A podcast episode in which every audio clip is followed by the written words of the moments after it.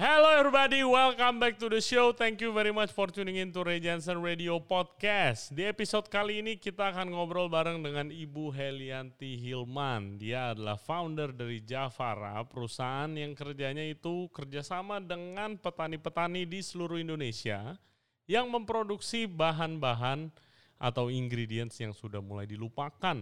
Mulai dari beras-beras langka, garam-garam yang luar biasa, bumbu-bumbu spices yang kualitasnya sangat baik bisa menemukan market baru bahkan sampai laku di luar negeri khususnya di Eropa. Semoga podcast ini bisa menginspirasi dan juga menghibur kalian semua. Jangan lupa subscribe di Ray Radio YouTube channel. Kita juga ada di Spotify, Apple Podcast, Google Podcast, dan Anchor App. For further updates, please check out our Instagram at Ray Radio. Without further ado, please welcome Bu Helianti Hilman dari Javara. Enjoy the show.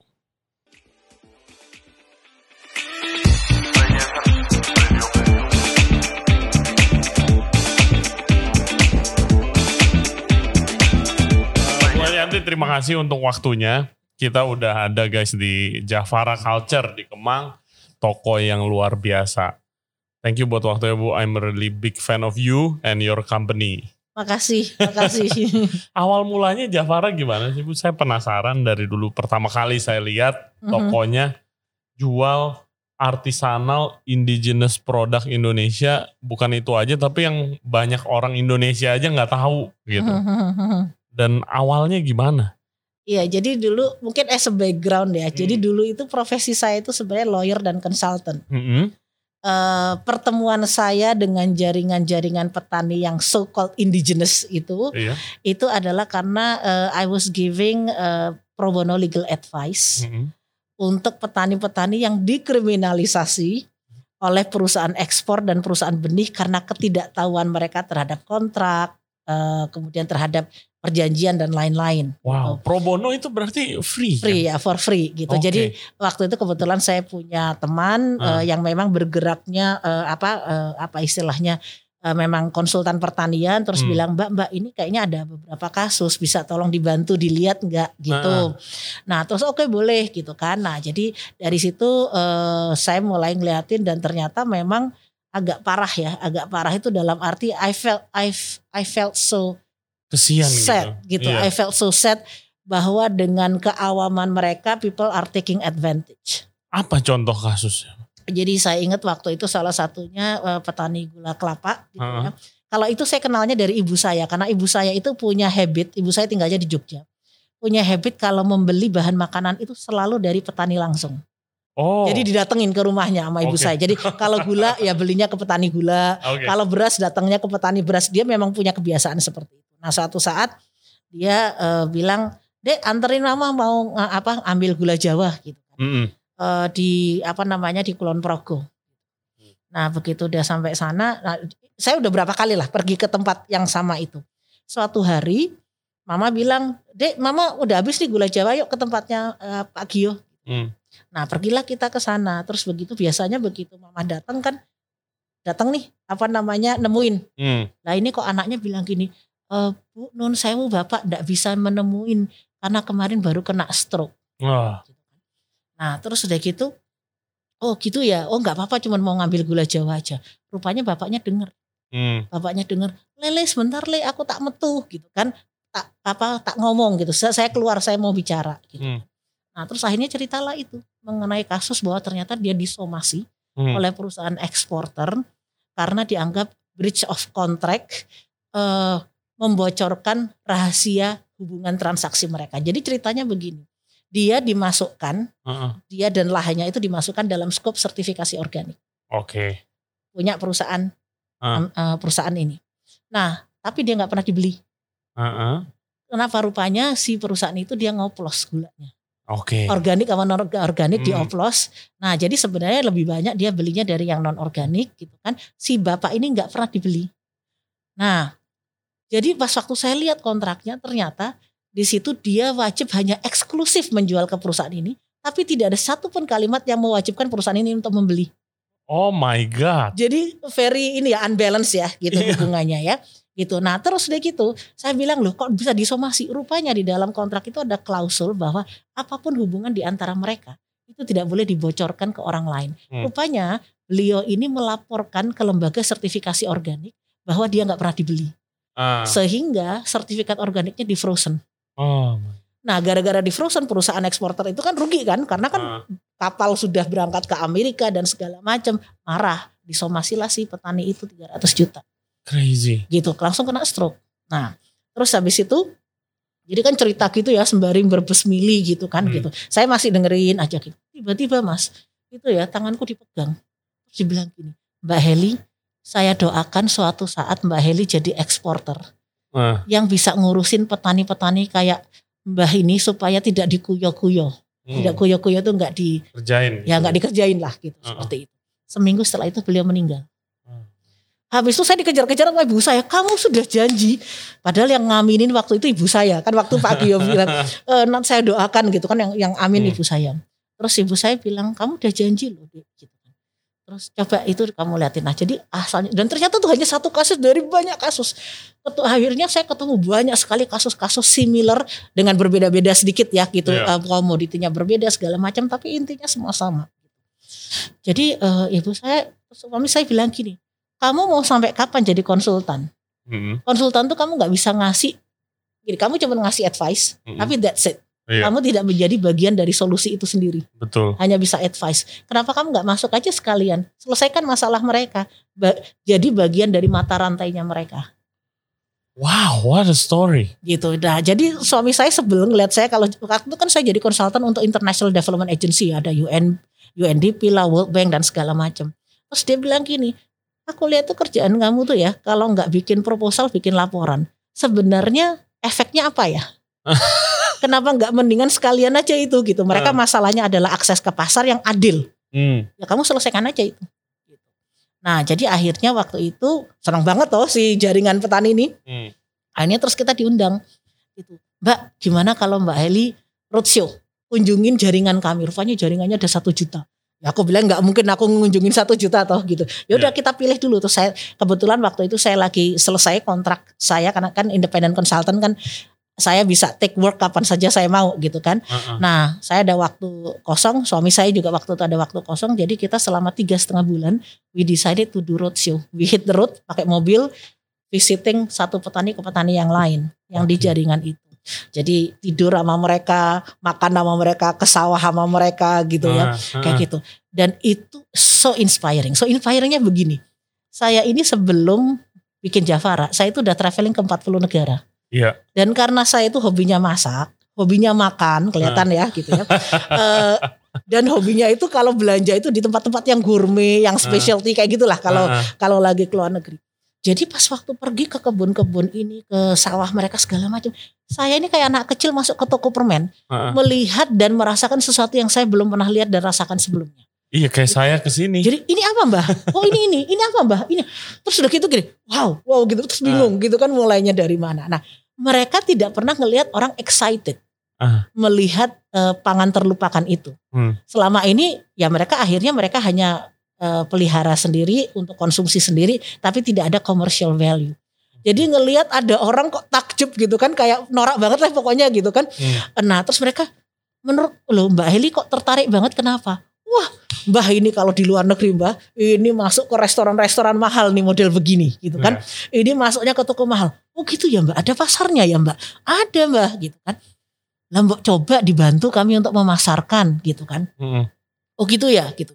Nah produk pertama kita yang itu tuh mas. Yang beras isi. Beras ini. ya? Nah ternyata Indonesia itu punya 7000 jenis padi.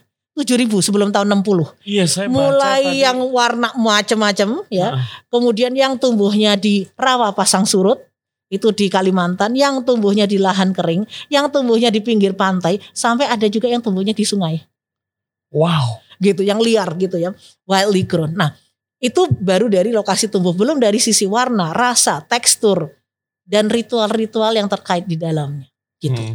Nah, yang di jaringan mereka masih ada sekitar 1100. Oke. Nah terus akhirnya saya bilang gini, Mbah, terus kenapa nggak ditanam? Jadi saya tuh kaget gara-gara ini ada tempat satu lagi tuh tempatnya Mbah Suko Hmm. di Magelang.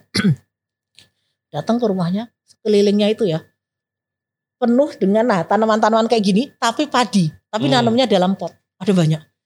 Mbah, orang nanam padi di sawah, Mbah kok nanamnya di pot. Waktu itu urban farming belum model loh ya. Iya. Itu eh, tahun 2006 untuk saya traveling itu. ya. Hmm. Terus eh, kenapa nanam padinya di itu? Wah ceritanya panjang mbak. Jadi dulu waktu zaman eh, apa Orde Baru, Hmm. petani itu semua suruh nanam padi yang sama. Jadi padi-padi kuno itu nggak boleh lagi ditanam. Oke. Intensifikasi pertanian alasannya kan untuk produktivitas dan segala Iya. macam. heeh. Jadi kami ini nggak boleh mbak menanam itu. Kami harus nanam padi baru. Nah terus mbak Suko gimana? Ya saya bilang nggak mau. Saya bilang nggak mungkin benih subsidi Tuhan ini lebih jelek dibanding benih baru yang mereka bawa. Jadi mbak nggak mau. Terus gimana? Mbak di penjara. Jadi mbak Suko itu sampai di penjara karena dianggap menentang Demi program itu. nasional. Gitu. Nah terus akhirnya baru dilepas setelah eh, beliau ya sudah ya mau nggak mau kan gitu daripada dia nggak dilepas akhirnya sawahnya nanam padi baru. Oke. Nah, tapi karena dia bilang gini, tapi Mbak, pasti ada alasan kenapa Tuhan itu kasih kita 7000 jenis padi. Tidak ada yang sia-sia, tidak ada yang tidak ada manfaatnya. Jangan sampai kita ini menjadi umat yang tidak bersyukur. Jadi Mbah Suko itu menyelamatkan padi-padi kuno itu ditanamnya di pot. Wah. Hanya supaya benihnya itu Iya. tidak punah. Punah. Jadi tidak gitu untuk ya. produksi, karena Hmm. produksi dia terpaksa dia harus menanam padi baru kan Hmm. gitu. Nah itu semata-mata hanya supaya itu tidak punah. Ternyata nggak cuma Mbak Suko, ada Mbak Gatot, Mbak Suko, banyak sekali di jaringan mereka tuh semuanya melakukan yang sama. Jadi kalau di total-total itu 1.200an ada Oke. gitu jenis yang masih mereka pertahankan. Hmm. Iya supaya nggak punah gitu ya. Ya supaya nggak punah. Tapi gitu. rasanya sendiri gimana sih? Wah macam-macam makanya kita bisa nembus pasar Itali gitu. Nah jadi yang menarik dari keberagaman ini, ya, yang menarik adalah apa?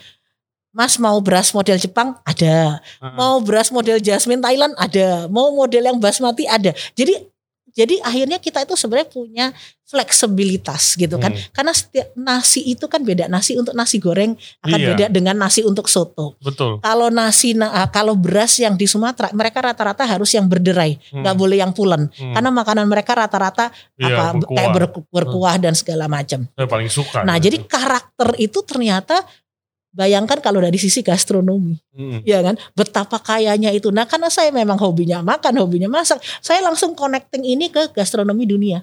Hmm. Gitu. Saya bilang, gila ini harta karun banget ini gitu kan. Iya. Ini petani-petani ini sitting on a harta karun tanpa mereka sadarin. Hmm. Tapi mereka prinsipnya cuma satu, spiritualism. Jadi Oke. mereka mempertahankan bukan karena ekonomi, mereka mempertahankan benih-benih itu karena mereka tidak mau menjadi umat yang tidak bersyukur. Iya. Sudah dikasih begitu banyak kemudian disia-siakan Hmm. gitu. Jadi asal muasalnya dari situ. Nah terus saya bilang gini loh mbah, sekarang kan orde baru udah lewat, mbah bisa nanam apa saja di sawah. Kenapa nggak ditanam ini di sawah?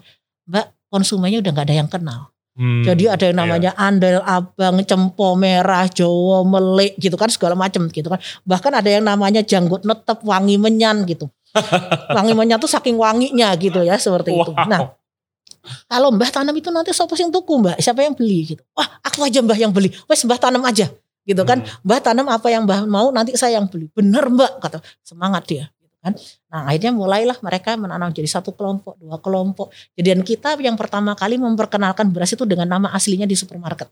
Jadi ya kalau andal abang ya andal abang, Jawa Melek ya Jawa Iya Melek. biasa Jadi kan nggak merek cem- kan. Nah bia- biasanya kan cuman beras merah, Iya. beras putih, Iya. beras kalau kami benar-benar kami tulis gitu kan mana andel abang mana saudah bahkan waktu kita ekspor ke Italia pun Mas bisa Google itu Eh, kalau kan karena di sana pakai bahasa Italia ya gitu nanti ada riso rosa javara nanti akan ketemu tuh di Google gitu. Hmm. ada riso rosa itu pink rice karena kita ada pink rice ada purple rice ada brown rice ada red rice ada black rice gitu ada macam-macam lah gitu nah jadi eh, yang menarik adalah bahwa ternyata gitu kan yang dianggap tidak penting yang dianggap apa termarginalkan gitu Hmm. ternyata menemukan pasarnya dan Iya. menariknya adalah pasar pasar awal yang menerima itu adalah luar negeri Hmm. Iya betul. Nah Gitu. itu pertanyaan saya nextnya. Apakah kan sampai ekspor ke Italia dan tadi cerita 30 ke 30 negara. 30 negara Heeh. sekarang.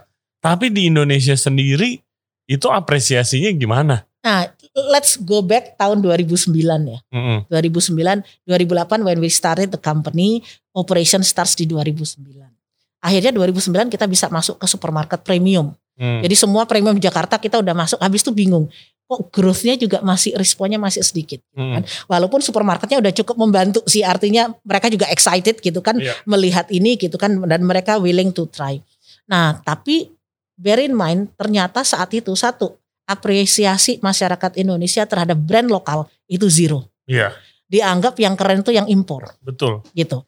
Nah, jadi brand eh, apa pe- apa produsen-produsen lokal walaupun kita udah sertifikasi organik Iya. ya standar Eropa Amerika Jepang tetap mereka akan milihnya impor. Apa, Kedua, apalagi brand lokal premium. Exactly. Iya, Dianggapnya kalau lokal ya murah Iya, lah ngapain- gitu ya, ngapain ngapain mahal. mahal. mahal. Kemudian yang kedua adalah eh, market untuk organic healthy waktu itu masih belum berkembang nggak kayak sekarang. Mm-mm. Masih minim sekali gitu. Apalagi produk yang pakai cerita karena Javara ini kan kita nggak menjual produk. We sell the story Iya. behind the product, the philosophy behind the product, Iya. kehebatan-kehebatan petani yang ada di balik produk itu Mm-mm.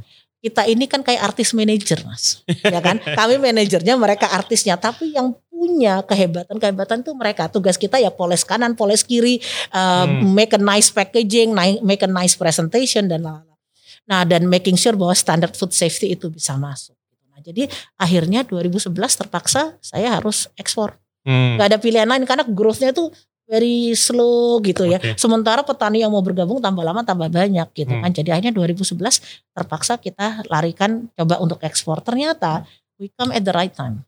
Gini, it's beyond organic, not only organic. Ternyata pasar di Eropa itu senang dengan the story, Ya. senang bahwa ini adalah part of food biodiversity preservation, kemudian bahwa everything is traceable gitu kan. Jadi Hmm. mereka kalau ditanya mana ya saya bisa tunjukin satu-satu tuh petani ya. Ayo kita ke Iya. sana temuin mereka gitu kan. Dari mana? Jadi rata-rata bayarnya itu akan datang dan ketemu dengan petani-petani itu.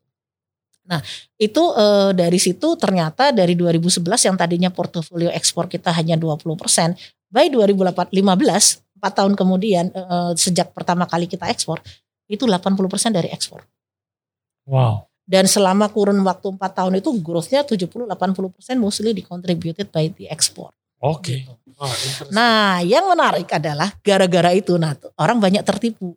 Dikira yang punya Javara itu orang bule. Nah, kan karena dari awal tuh kan kemasannya tulisannya Inggris semua gitu kan. Karena saya sebenarnya belajar, ya kan Hmm. belajar Eh, dari perusahaan-perusahaan lain, perusahaan-perusahaan asing yang ada di Indonesia dan mereka creating produk seperti ini. hmm. Saya bilang, hmm baiklah kalau begitu kita melakukan yang sama. Jadi begitu pertama kali saya muncul ke publik istilahnya atau Ah. orang kaget loh bener ini yang punya Javara. Mereka semua ngirain itu bule. gitu Oke. kan. Nah di- jadi Biasa. eh, jadi paling saya dikira kayak ya marketing manajernya lah gitu kan Ah, ah. seperti itu. Terus aku bilang bukan bule tapi bule kalau orang Jawa bilang gitu kan. Nah terus udah gitu begitu tahu yang muncul saya terus nanya gini, suaminya orang bule ya bu? Nah, masih tetap lagi kekeh gitu kan. Suami saya orang Minang gitu kan. gitu. Nah jadi cuman karena itu tadi karena saya memang sebelumnya 40 negara Hmm. saya udah traveling dan memang foodies banget lah. Every gourmet, every apa fine dining restoran, every specialty supermarket kita Hmm. pergi. Jadi kita tahu persis oh ini bisa ke pasar Italia, produk ini bisa ke pasar Jepang, ini kita udah tahu taste Hmm. preference gitu kan Oke. istilahnya dari situ. Yang paling laku di Italia apa? Itali itu ya ini ini produk lucu ini. Ini eh, mie ada kita ada mie ubi ungu, ada mie cabe, ada mie kunyit gitu ya. Itu yang kita ekspor 2012 plus beras. Itu yang awal-awal. Habis itu rempah-rempah. Nah, yang menarik nih rempah-rempah ya. Bayangin ya. Kita kan memang waktu itu setiap tahun eh, setiap dua tahun kita pameran B2C di sana Salone del Gusto. Hmm. Salone del Gusto itu di Turino itu adalah the biggest artisanal uh, food fair di Eropa. Iya. Wah itu yang sampai kota Turino tutup lah itu Iya. kalau ada ada itu Luar kan biasa gitu. itu pameran. Nah kita kan selalu buka stand tuh di situ. Yang kaget ya, ini contohnya misalnya gini, kan kita waktu itu importer kita bilang, Heli saya mau long pepper, saya mau, pokoknya gini, oh di dapur kita aja orang Jawa, orang Indonesia belum tentu pakai long pepper kan gitu. Betul. Ini mereka minta long pepper, minta ini, minta ini, pokoknya semua yang aneh-aneh. Begitu pameran di sana, kan pamerannya B2C kan. Hmm. Saya pikir, wah saya harus menjelaskan ini apa dan segala macam. Begitu datang ada orang Itali, konsumen datang ambil long paper, nggak pakai tanya babi bu bayar pergi. Terus aku bilang bentar, bentar, bentar, bentar, bentar. Kamu tahu ini apa? Iya tahu. Kamu makanya untuk apa? Tahu. Tahu. Hmm. Sudah gitu. Terus dia kayaknya bingung ngeliat aku bingung kan. Gitu sih bilang gini. Jangan-jangan kamu nggak tahu ya. Jadi ternyata lada paling tua di dunia itu long pepper. Ah, Jadi pada waktu ancient Greece, Iya. Ancient Rome, lada yang dipakai itu long pepper. Nah bahkan itu di Mesopotamia itu ada fosil long pepper dan long pepper itu memang Java, Java pepper. iya. Jadi dari dulu tuh mereka udah tahu. Terus aku nanya, kamu makainya untuk apa? Rupanya terus mereka tunjukin nih strawberry. saya kasih balsamic vinegar, terus saya parutin Oh, nih dengan iya, long pepper. mantep Uh, tuh. enak banget gitu kan. Gitu. Jadi kitanya yang bengong-bengong kan gitu. Jadi akhirnya kita meng- mengirim specialty spices ya ke Prancis, ke Italia, ke Kanada dan itu semuanya goes to specialty eh, apa eh, restoran atau fine dining restoran atau Michelin Hmm. star restoran gitu ya. Mereka justru nyarinya yang itu highest quality, belinya mungkin nggak banyak pakai pesawat gitu kan. Iya. Tapi mereka bilang gini, Heli begitu panen langsung kamu proses langsung kirim ke kita. Pokoknya kita mau yang the highest quality dan mereka nggak nawar Hmm. gitu. Nah, jadi dari situ kita realizing kita tuh berarti missing out ya. Hmm. Gitu missing out the fact bahwa Indonesia tuh begitu kayanya dengan 17 ribu pulau, 42 ekosistem Ya. dan memiliki keanekaragaman hayati pangan yang luar biasa. Yes. Nah, makanya akhirnya dari situ kita mencanangkan bahwa misi Jafara itu adalah menghidupkan lagi pangan terlupakan Nusantara Hmm. semakin dilupakan semakin kita munculkan lagi gitu kan istilahnya. Nah dan itu yang kemudian kita carikan celah pasarnya. Dan eh, udah berapa banyak nih forgotten ingredients yang di revive dari Jafara kalau sampai sekarang? Kalau sekarang by SKU kan kita sekitar 900 lebih ya. Hmm. Kalau mungkin by produk karena kadang- kadang-kadang ada satu produk kita dua kema dua ukuran atau tiga ukuran kan kalau SKU itu Hmm. eh, satuan unitnya itu kan produk yang sama tapi dengan kemasan berbeda itu dihitungnya SKU berbeda. Kalau Hmm. secara SKU kita 900. Mungkin kalau secara produk sekitar 350 400-an. Oke. Eh, dan memang yang menarik adalah beda produk goes to a different market dan different profile. Ada Hmm. yang ke high end, ada yang mainstream, masuk Hmm. supermarket gitu. Tapi yang menarik adalah kembali lagi apresiasi. Apresiasi itu baru tumbuh itu tiga tahun terakhir. Jadi tiga tahun terakhir itu going local, locavore, Iya, betul. eh, appreciating local brand, local Iya. ingredients itu baru naik nih tiga tahun terakhir kan gitu. Betul. Nah momentumnya sekarang it's the time gitu Hmm. Begitu tadi waktunya kan kita kita kan tawaf dulu nih paksa ekspor toh Ah. gitu nah karena kita dianggap aneh anehnya kenapa satu biasanya eksporter eksporter itu perusahaan besar Iya. industrial Hmm. kita udah kecil dikit-dikit kok ya berani-beraninya masuk ke pasar yang aneh-aneh dan pasar yang premium gitu Ah. kan nah jadi itu istilahnya dianggap anomali sehingga apa dan produk kita kan dari pelosok Indonesia Iya. dari eh, most bukan hanya forgotten ingredients tapi juga tempat-tempat yang eh, pelosok. Jadi akhirnya kita banyak sekali mendapatkan liputan media. Hmm. Jadi media liputan termasuk dari luar negeri kayak Channel News Asia, Arirang TV, Deutsche Welle Jerman gitu kan. Kemudian Guardian UK, Huffington Post Amerika. Jadi we get a profiling termasuk yang di Indonesia juga. Nah baru setelah itu market Indonesia naik karena mereka, Hmm. wah produknya Javara kuali, ah, bagus kualitas ekspor. Dari dulu kualitas kami bagus. Dari Belum 2009 kami sudah kualitasnya bagus gitu. Tapi recognition baru muncul setelah eh, media juga banyak mengangkat. Nah ini guys di depan gua ada produk yang luar biasa nih dari gua lihat waktu itu nih. Ini piramid salt. Aha, Jadi bentuknya kayak piramid, betul. kayak candi bentuknya. Iya. Ini dari mana? Eh, itu Ibu. dari Bali gitu Heeh. kan dan di seluruh dunia itu yang memproduksi piramid salt itu hanya dua, Siprus Hmm. sama Bali. Oh. Jadi itu ada kombinasi dari karakter air lautnya, Mm-mm.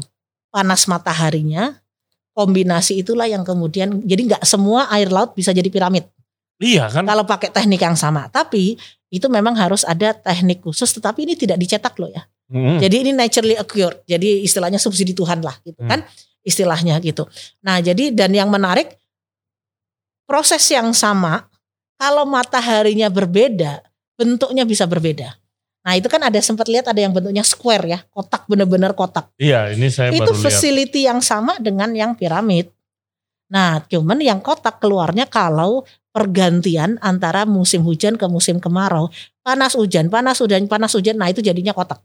Tapi kalau panas terus gitu kan. Jadi kalau di luar kalau di Bali itu kan panas normal 34 ya. Mm. Itu di dalam rumah kaca itu 72 derajat. Kalau di luar itu hujan deras, di dalam masih 32 derajat. Jadi Hmm, mereka bisa produksi aman sepanjang tahun. Tetapi hasilnya berbeda. Kalau pas lagi musim hujan, dia akan keluarnya itu lebih ke coarse, ke finer grain. Hmm. Tapi begitu panas terang akan keluarnya piramid. Oke. Dan kalau dari lihat produk ini, kayak garam aja ini ada Mm-mm. beberapa jenis. Ini Ya. ada garam asap, garam kelapa asap. Ya. Tadi saya bilang ini enak banget ini. Ini dari tempat yang sama, tetapi eh, ini sebenarnya ada fleur de sel-nya Bali. Gitu ya, garam fleur de sel yang kemudian mereka bungkus pakai daun kelapa dan slowly smoke selama tiga hari. Hmm. Nah ini termasuk top selling untuk ke Prancis nih. Gitu kita sekali kirim 2000, 3000 gitu. Kalau dipesenin lebih banyak lagi si petani bu, lama bikinnya bu, gitu kan. Ini mesti bungkusin satu-satu. Ini enak banget sih. Bu. Gitu. Dan eh, untuk garamnya ini, ini kemarin kalau kalian dengar eh, podcastnya sama Chef Ragil, Mhm. kan kemarin eh, ngomongin Papua Nipa dari sagu ya. Dari nipah, garam- dari tanaman nipah. Iya dari tanaman nipah. Mhm. Nah kalau ini apa? Itu sama. Jadi gini, di Papua itu ada banyak sekali tanaman yang asin. Jadi nggak cuma ini, ini hanya salah satunya. Oh, Ada yang bentuknya kayak eh, daun rotan, mm-mm. ya. kemudian ada yang bentuknya pelepah gitu kan. Nah, ini adalah dari pelepah nipah. Nah, tapi teknik mereka biasanya mereka bakar.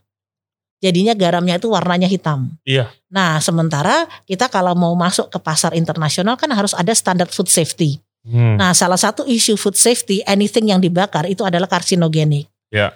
Nah, jadi walaupun walaupun ya sebenarnya yang mereka bakar itu tidak mengandung protein. Karsinogenik itu hanya terjadi apabila ada protein dan karbohidrat terbakar. Oke. Tanaman ini sebenarnya tidak mengandung protein sehingga kalau dibakar sebenarnya nggak apa-apa. Tapi image masyarakat Hmm. internasional, Hmm. anything yang gosong, Iya, gosong. anything yang bakar itu karsinogenik. Nah, sehingga akhirnya tim food tech kita itu mendevelop teknik di mana keluarnya itu tidak hitam tapi putih walaupun tanpa listrik sama sekali. Nah, sekarang ini sedang diproduksi oleh mitra kami di Sukumoy di Sorong Oke. gitu.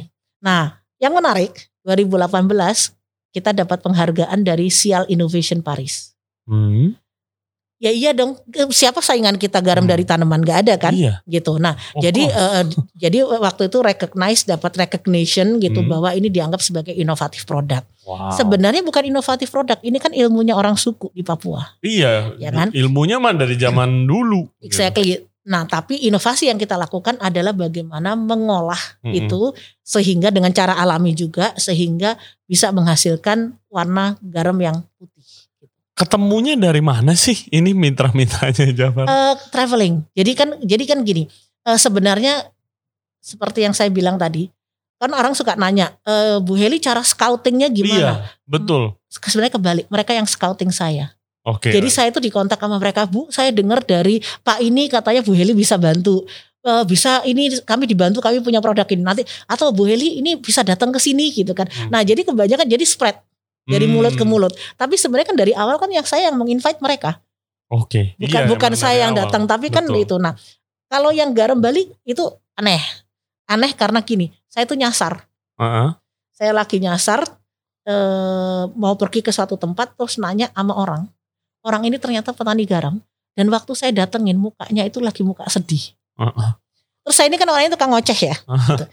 Saya begitu dikasih tahu arah jalan segala macam, bilang beli ada apa? Gitu kok kelihatan susah. Oh ceritalah curhat. Ternyata sama tuh ada kasus yang tadi yang dimanipulasi Wow. oleh perusahaan ekspor. Oh my saya God. dijanjikan begini begini begini segala macam tapi gini gini gini terus dibohongin lah segala macam. Nah jadi waktu itu kan saya juga nggak punya uang loh maksudnya Hmm. untuk berinvestasi karena ternyata yang dia perlukan tuh perlu investasi. Saya nelpon ibu saya mah mau invest nggak? Hah. ini aku nggak sengaja tadi ketemu petani garam gitu kan. Garamnya lucu mah. Garamnya bentuknya piramid gitu kan. Eh, tapi itu memang modalnya harus besar kalau dia bikin sendiri gitu Hmm, kan. hmm, nah terus akhirnya bapak ibu saya terbang. Hmm. bapak ibu saya terbang saya kenalkan terus nun- mereka nunjukin lokasi di mana segala macam. Udah aja bikin Wow. gitu nah jadi sebenarnya itu banyak coincidence gitu jadi not by design kan kalau orang Hmm. bisnis itu ya itu bedanya Jafara itu lahirnya tuh karena jurus kepepet dan Hmm. karena flowing aja gitu Hmm. Baru sekarang kita mulai tata, mulai 2019 kita tata as a business. Kalau sebelumnya tuh benar-benar organically ini juga Iya, gitu, grow juga gitu. juga. Ah. Nah, organically grown juga dan biasanya eh, kebanyakan karena menyelesaikan masalah. Nah, contoh misalnya gini. Mie ini kan kita ada koleksi 14 warna ya, 14 sayuran. 14. Itu gara-gara bukan karena kita terlalu rajin. Iya. Eh, jangan salah, produk di sini ada 900 bukan karena rajin, tapi karena kebanyakan masalah. Contoh, ini 2010 Merapi meletus. Heeh. Masih ingat Merapi yang meletus Iya. besar? Betul. petani di lereng Merapi, petani sayuran di lereng Merapi, itu dia terdampak karena kan kena abu Hmm. panas segala macam. Tiba-tiba saya entah dia dapat nomor telepon dari mana. Jam satu pagi saya ditelepon, Heeh. Bu bisa bantu nggak Bu menjualkan sayuran kami karena kalau nggak dipanen sekarang, sekaligus itu keburu hangus kena abu vulkanik. Tapi kan sayuran gampang busuk bu gitu. Hmm. terus saya sok-sokan karena saya merasa kenalan saya banyak gitu ya. Hmm. ah bisalah saya jual kanan kiri depan belakang gitu. Teman saya yang chef juga banyak. Terus saya nanya boleh pak? Eh, apa saja dan jumlahnya berapa habis itu saya yang pingsan wortel 2 ton brokoli 500 kilo bayamnya sekian terus langsung cenut cenut cenut gitu karena saya udah ngebayang ini nggak di apa-apain sekian hari udah langsung busuk Hmm, hmm. Nah jadi akhirnya terus saya kepikiran tuh subuh ada teman saya yang memang punya pabrik mie. Mas itu sebenarnya sayuran tuh bisa nggak sih untuk campuran? Oh bisa bu, saya pernah coba kok pakai wortel gitu. Nah akhirnya terus kita bereksperimen untuk membuat mie sayuran ini. Ah. Nah jadi lahiran ternyata ini jadi salah satu top selling kita. Kita ekspor ini ke Italia sejak 2012 Oke. dan sampai sekarang.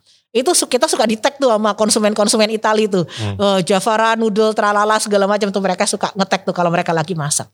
Terus kita ekspor ke Afrika Selatan ke supermarket nomor satu di Afrika Selatan. Itu kontaineran mungkin sekarang udah berapa 10 kontainer kali Wow. termasuk yang 40 feet. Oh my god. Nah jadi eh, apa istilahnya jurus kepepet tapi ternyata menemukan Iya, pasarnya gitu kan berhadiah. istilahnya gitu. Gitu. Itu jadi nah cuman kalau sekarang udah nggak bisa lagi kalau sekarang kan karena semakin lama kan modal semakin besar ya Ah. semakin banyak produknya semakin pusing kan kepala kan ngatur cash flow karena udah pasti kita harus nalangin dulu Hmm. jadi bahkan sertifikasi kita yang bayarin dulu mesin-mesin kita beliin dulu kadang-kadang Oh. mereka renovasi pabrik kita yang eh, bayarin dulu nanti baru mereka nyicil gitu kan Iya, kalau misalnya ini kan banyak barang kering nih. Ya Ya itu perlu mungkin perlu apa dehydrator gitu. Ya macam-macam macam ada ya. yang oven, ada yang proses eh, Iya. pemasakan dan segala macam. Nah, prinsip Jafara itu kan kita sebisa mungkin bahwa facility itu sedekat mungkin dengan sumber. Sehingga apa? Creating employment, ada transfer of knowledge, kemudian ada distribution of wealth and value. Gitu. Jadi istilahnya nggak semuanya itu value-nya kan semakin eh, ke hulu kan value-nya semakin tinggi, eh, semakin ke hilir kan value-nya semakin tinggi. Nah, kita pengennya itu stay with the community gitu. Oke. Nah makanya kita support mereka in terms of improving mereka punya capacity. Jadi yang nggak punya mesin kita beliin dulu mesin, Hmm. yang perlu metal detektor kita beliin dulu metal detektornya gitu. Yang nggak ada sertifikasi kita uh, bayarin dulu sertifikasinya karena kalau enggak ya nggak akan jalan. Wow. Nah cuman kan uh, kita juga harus fokus ya Hmm. gitu karena pengeluaran cukup besar gitu. Jadi kita mulai mulai memilah-milah juga gitu. Sampai kan kalau misalnya ini eh, market grow Mhm. eh, tapi produknya itu artisanal kan ada limitnya. Makanya kita Itu dari gimana? 900 produk itu sebenarnya yang eh, push produk kita itu paling cuma 50 SKU Hmm. gitu. Yang kita bisa ekspor kontaineran atau kita bisa supply ke supermarket secara sustain. Karena kalau supermarket kalau kita nggak sustain rugi di kita. Iya, Kena betul. service level penalty, ada Iya. listing fee dan segala Ah. macam. Jadi untuk yang kategori pasar yang memang memerlukan steady supply karena costnya tinggi ya kita eh, fokus kepada produk-produk tertentu. Oke. Nah selebihnya kita jual di toko sendiri, online, atau yang specialty tadi, Horeca, hotel, restoran, catering yang semakin aneh, semakin seasonal, Hmm. semakin suka. Nah model-model kayak gitu. Oke. Jadi makanya kita ada customer itu multiple channelnya, ada Hmm. yang industri. Jadi contohnya salah satu specialty coklat company di Ecuador, itu mereka juga ambil ingredient dari kita. Nah itu untuk ingredient yang kita memang kapasitasnya besar. Ah, Gitu. wow. Nah itu eh, apa namanya? Jadi kita juga supply ke industri juga, tapi itu hanya produk yang standarnya itu udah bisa terjaga banget Iya. gitu kan, kapasitasnya bisa besar dan segala macam. Terus kita ada yang masuk ke jaringan supermarket. Nah Hmm. jaringan supermarket tuh harus ready all year long, kan? Karena Hmm. kalau enggak kita kena service level penalty kan gitu. Iya. Nah artinya kita fokus jadi kurang lebih ada sekitar 50 SKU lah yang memang kita canangkan untuk skala yang eh, besar dan rutin. Nah baru kemudian ada hotel, restoran, catering Hmm. gitu. Nah kalau mereka kan sebenarnya lebih eh, apa namanya justru mereka kadang-kadang kan mencari yang specialty, yang Ya, unik gitu kan, Unik, ya. yang membuat masakan mereka bisa ya something lah gitu ya Hmm. seperti itu gitu. Nah kemudian plus yang di toko sendiri ini untuk end konsumen yang foodies yang pengen nyoba kan sekarang trennya anak-anak Ya. muda pada pada suka masak, pada, suka nyobain. Hmm. Apalagi yang hobi traveling, biasanya semakin mereka hobi traveling, semakin mereka pengen nyoba-nyoba nih, gitu, Hmm. yang ini itu. Nah itu kita sediakannya di Javara Culture. Makanya kita konsep di Javara Culture ini itu adalah eh, one store one archipelago karena the best product dari Aceh sampai Papua itu ada di sini. Yes, kalian harus main sih coba ke sini. akan ketemu yang aneh-aneh kan gitu Betul. istilahnya gitu. Kalau saya ke sini ya kayak tadi Bu Heli kayak a kid in a candy store nggak tahu lah mau mulai dari mana nggak tahu. gitu dan dan tiap kali datang biasanya akan ketemu barang baru gitu. Hmm. Jadi kita makanya kalau di tengah-tengah kan kita ada yang curah ya, ada yang bulk. Itu produk insya Allah. Insya Allah ada, insya Allah enggak gitu kan istilahnya gitu. Nah itu kita taruhnya di curah gitu. Kadang-kadang buah-buahan kita juga dapat yang unik-unik kan kayak kemarin Oke. kita belum datang udah sold out gitu kan istilahnya gitu. Jadi, apa? ada black saputih kayak semek hitam. Oh itu Ya, yang coklat puding. yang ya? coklat ah, coklat Iya, iya, puding iya, gitu iya, kan. iya. Jadi begitu ditelepon sama petaninya, "Bu, panen 30 kilo, kirim." gitu kan. Ah. Udah langsung habis itu jual. Kalau yang kemudian ternyata kadang-kadang kan datang overripe ya. ah, Kita bikin gelato. Wah luar biasa. Nah, jadi eh, kayak sekarang lagi musim mangga podang nih dari Kediri, dari Pegunungan Kediri. Itu juga belum datang udah sold out. Saya aja mau ngambil nggak kebagian gitu kan istilahnya. Aku kemarin nanya Mbak Roma, aku mau. Waduh Bu, udah habis katanya gitu. Ini kita lagi pesan lagi. Nah kayak gitu. Nah jadi setiap kali datang nanti akan ketemu yang aneh-aneh lagi. Gitu, Hmm. kan kayak gitu. Dan juga kan ada eh, sekolah juga kan ya. Betul. Jafara ya. Ada sekolah seniman pangan. Tadinya itu adalah Jafara Academy. Mm-mm. Tapi kemudian 2017 kita eh, apa spin off menjadi organisasi terpisah karena memang misinya berbeda. Kalau Jafara itu kan menghidupkan pangan terlupakan Nusantara untuk bisa masuk ke pasar. Betul. Kalau sekolah seniman pangan adalah kerja di ujung, berinvestasi pada rural entrepreneurship. Hmm. Apa tuh programnya? Jadi programnya adalah untuk nurturing entrepreneur di kalangan petani perimba nelayan. Indonesia itu setiap tahun kehilangan 500 ribu petani. Iya sih, kebayang Nah, sih. kalau kita tidak meng-create a sexy business opportunity di desa Hmm. melalui creative industry, creative food industry, semua masih tetap akan ke kota. Iya, habis Nah, lama-lama. tapi begitu kemudian kita create opportunity di mana mereka creating produk yang yang tadi yang ujung-ujungnya nanti bisa pergi ke Perancis ke mana Iya. dan segala macam gitu kan, walaupun skalanya nggak gede gitu ya Uh-uh. istilahnya. Atau mereka kemudian eh, punya apa kafe di kebun kopi misalnya kayak gitu. Hmm. Eh, jadi eh, jadi mereka itu menjual experience untuk tourism Iya. gitu kan. Kemudian menjual produk-produk yang artisanal dari apa yang ada di kebun mereka gitu kan. Nah, itu baru mereka tertarik. Oh. Nah, sekarang trennya kebalik. Sekarang jadi trending. Jadi kayak rural entrepreneurship itu kayak new startup lah gitu basically. Eh, startup versi desa. Nah, sekarang lagi trending. Nah, bahkan alumni pertamanya Sekolah Seniman Pangan sekarang jadi eh, kepala desa. Dan dia Ah. menjadi kepala desa milenial yang banyak membuat perubahan termasuk eh, paket wisata, kemudian eh, digital apa namanya dia bikin pasar apa eh, pasar digital gitu Oke. kan yang langsung mengkonekkan petaninya dengan konsumen di sekitar mereka gitu Wow. kayak gitu.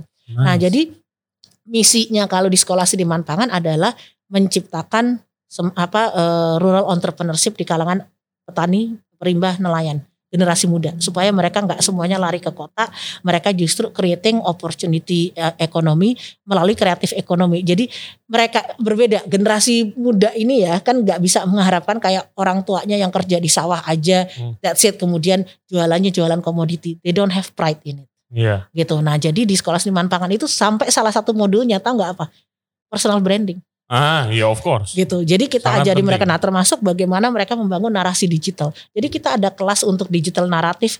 Jadi bagaimana membuat narasi, kemudian bagaimana menggunakan handphone mereka untuk mengambil uh, vlog, video Hmm. apa video story, membuat foto dan segala macam itu yang ngajar dari uh, fotografer-fotografer profesional. Termasuk ada volunteer trainer kita dari Swedia. Oke. gitu.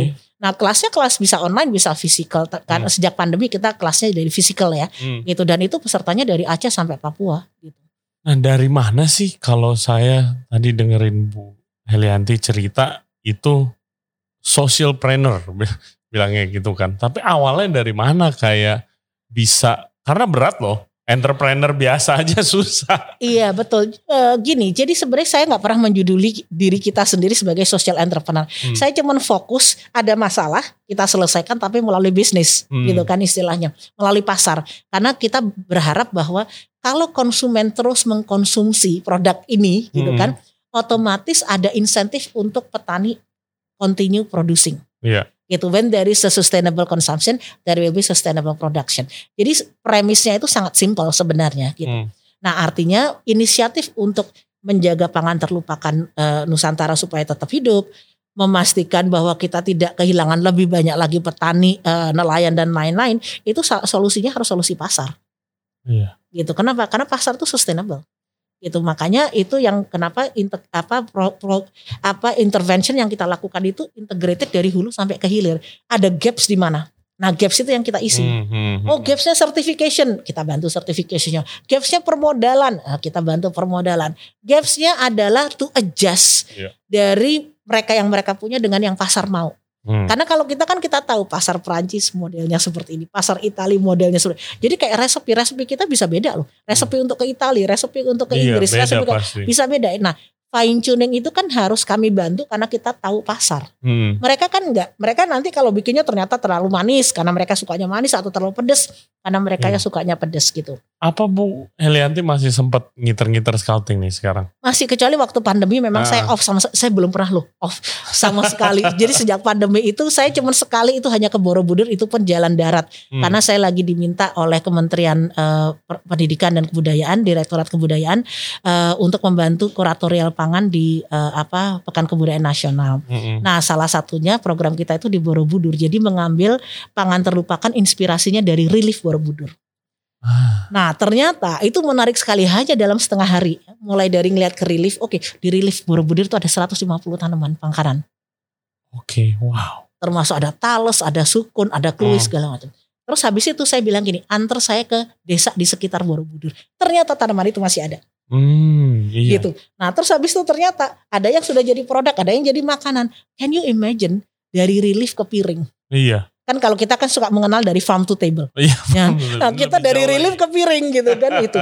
Nah, jadi it's very interesting gitu kan. Nah, jadi sekarang kita lagi eh, mencoba untuk apa eh, meng- apa mengangkat keunikan Hmm. dari origin. Jadi kalau yang dengan suku Dayak dari hutan ke piring. Hmm. Kemudian yang dengan apa namanya Sumatera Barat budaya ya budayanya itu kan petatah petitih segala macamnya itu kan Hmm. kencang banget dari budaya sampai ke piring. gitu. Hmm. Nah jadi eh, apa namanya karena yang membedakan Indonesia dengan negara lain satu keanekaragaman hayati pangannya, kedua budayanya Hmm. dan budaya ini memberikan translation interpretation terhadap bahan pangan. Ini contoh Costa Rica itu bunga nasionalnya adalah kecombrang.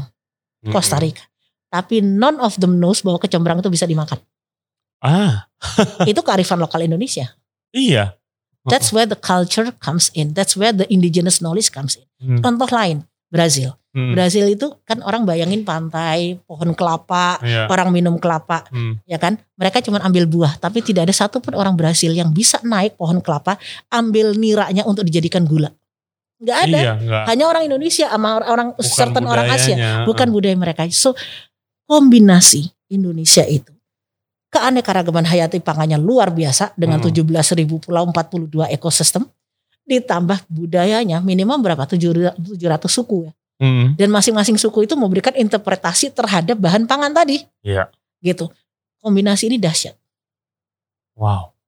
Terus dengan with your travels and with your business work itu as a country Mhm. gitu, what can we do better nih to to appreciate more this this Jadi awesome gini. product dan to make sure supaya ya nggak hilang nih. Iya. Gitu. Jadi gini, as a country ya gitu, itu memang harus ada policy dan kebijakan untuk keberpihakan terhadap pangan lokal. Mm-mm. gitu.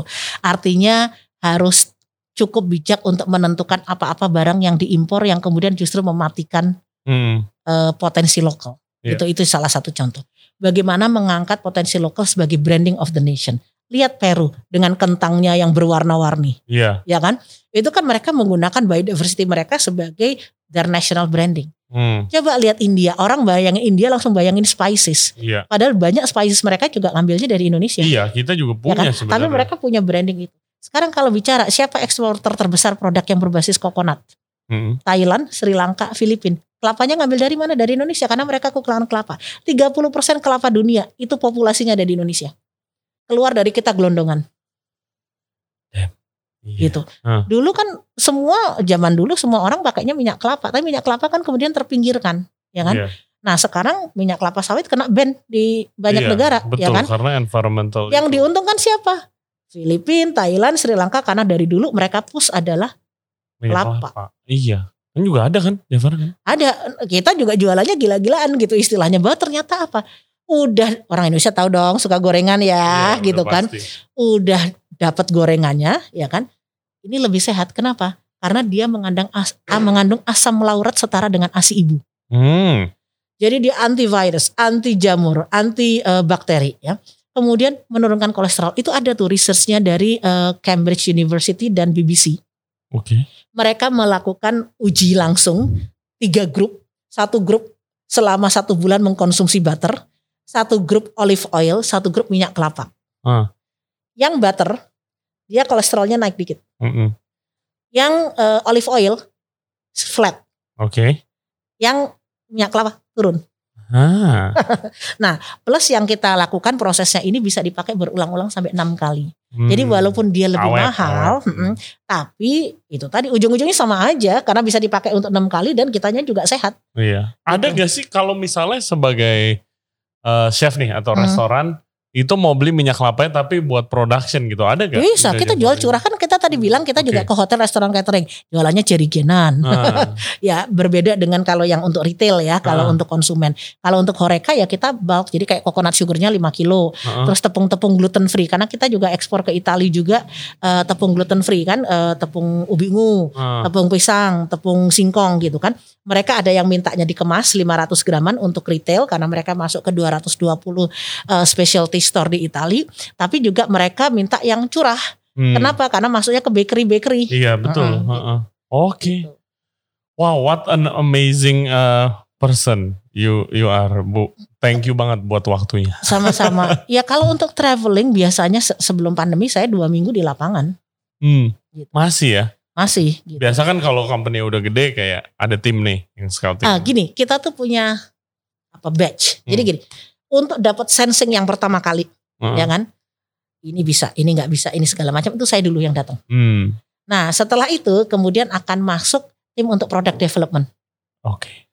Karena karena kita nggak mungkin jualan komoditi saja, harus hmm. something yang harus di itu. Nanti tim product development ini bisa untuk ini untuk ini segala macam. Product development udah oke, okay, terus kita tes. Ya hmm. kita undang lah model-model chef-chef begini kan yeah, gitu. Yeah, Cobain yeah. dong what do you think segala macam. Nanti kan dapat feedback atau di sini kan customer kita ekspat juga banyak. Hmm. macam-macam lah gini. Mulai dari demografik umur yang apa muda-muda banget gitu ya yang 18 tahun yang hobi masak segala macam sampai yang tua banget sampai dengan uh, dari Jepang dari Italia dari Australia segala macam. Nah biasanya kita minta mereka untuk nyobain and then hmm. they give us the feedback gitu kan. Nah setelah itu baru kemudian tim sertifikasi masuk. Tim standards. Yeah. gitu. Habis itu baru tim procurement dan produksi Oke. Okay. Jadi we come in batch hmm. ada timnya sendiri-sendiri gitu. Tapi untuk sensing di awal uh, harus nanti, dari uh, mata. Ya aku bilang gini, coba pergi ke Belitung. Belitung itu gula arennya keren banget gitu hmm. kan segala macam. Dan mereka follow through dari situ. Oke. Okay. Gitu. Nah, terakhir nih, Bu. What's next for you and for Javara? Gini, uh, ada ada dua hal yang pertama kita ini saya selalu ingat dengan pesannya almarhum Mbah Suko. Hmm. Kita ini jangan sampai menjadi bangsa yang tidak bersyukur. Hmm. Jangan. Ya yang diberikan Tuhan untuk kita itu kan sebenarnya part dari brand of the nation. Hmm.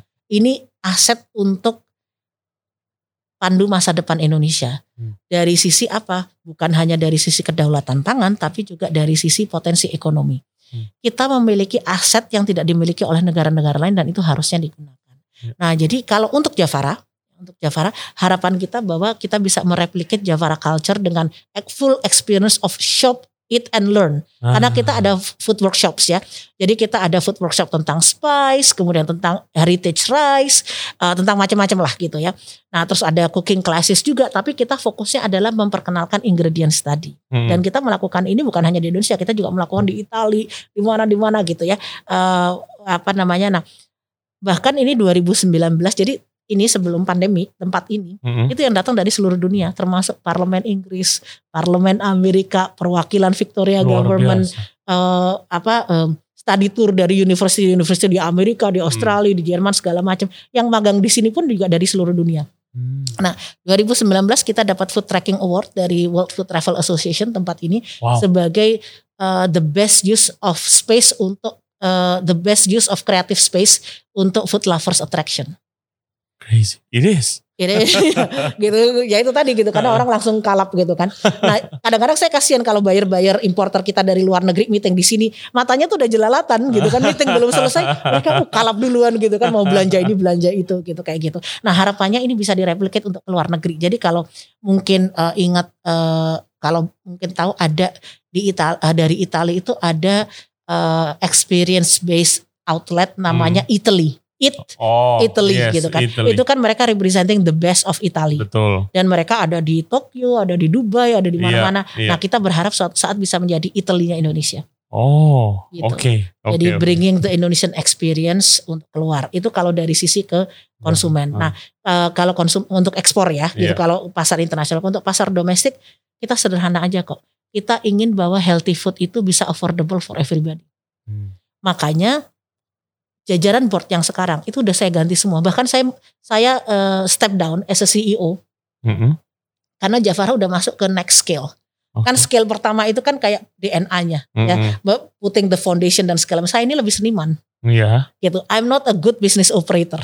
Masa sih? Yang, nah, jadi saya itu lebih oke okay, kalau untuk artinya getting the ideas, innovation hmm. dan segala macam, kemudian plus negotiating market, I'm good at it. Hmm. Tapi in terms of business operation kan ada supply chain management, yeah. ada financial segala macam. It's beyond my comprehension. Mm -hmm. Nah, sehingga 2019 saya ganti semua boardnya, termasuk saya mencopot diri saya sendiri.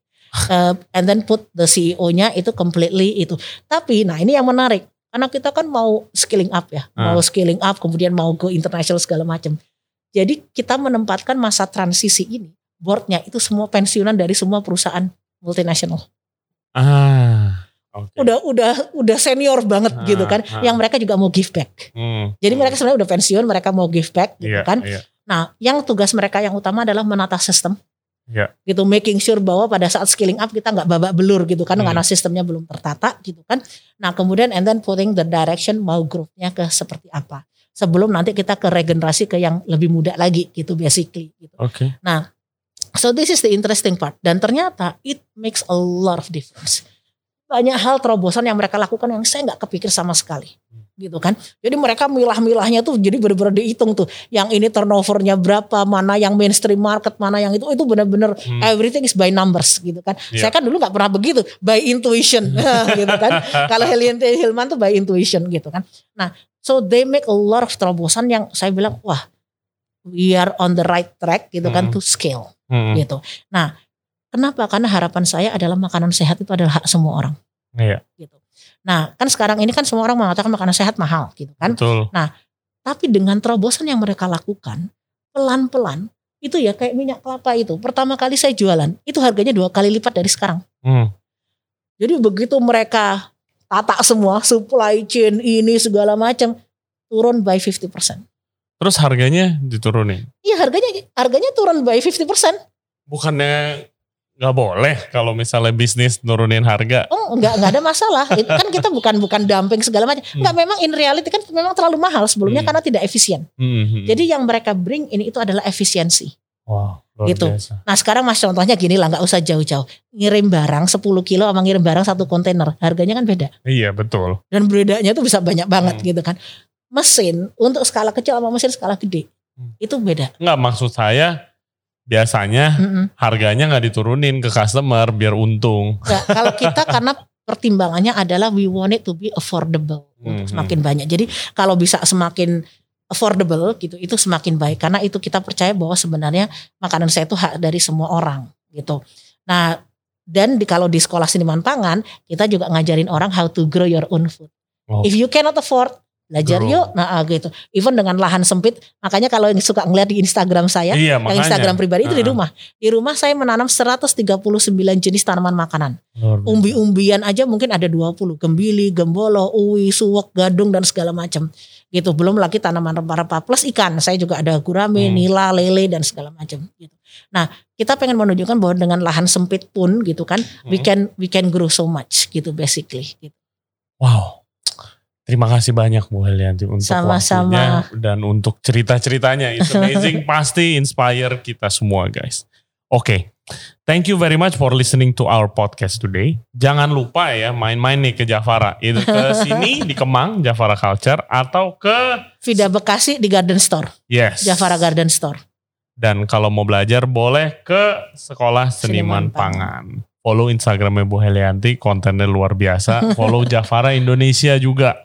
Dan sekolah seniman pangan juga. Dan seniman sekolah pangan. Senama- Seniman pangan. sekolah Seniman, pangan. Instagramnya seniman pangan. Oke, Seniman Pangan. Iya. Oke, po- pokoknya kalau orang industri F&B ataupun foodies deh ke sini itu udah kayak kids in the candy store deh. Pasti ngiter-ngiter melulu. Iya banyak kan chef-chef suka gitu. Mbak Eli ada ini enggak, ada ini enggak gitu kan. Om William juga gitu kan. Aku nyari yang ini susah, yang bagus rempahnya. Tolong minta yang ini. Oke siap. Oke, sukses terus. Terima kasih, terima kasih. Buat proyek-proyeknya dan juga of course buat Jafara. Terima kasih chef. Sama sukses juga.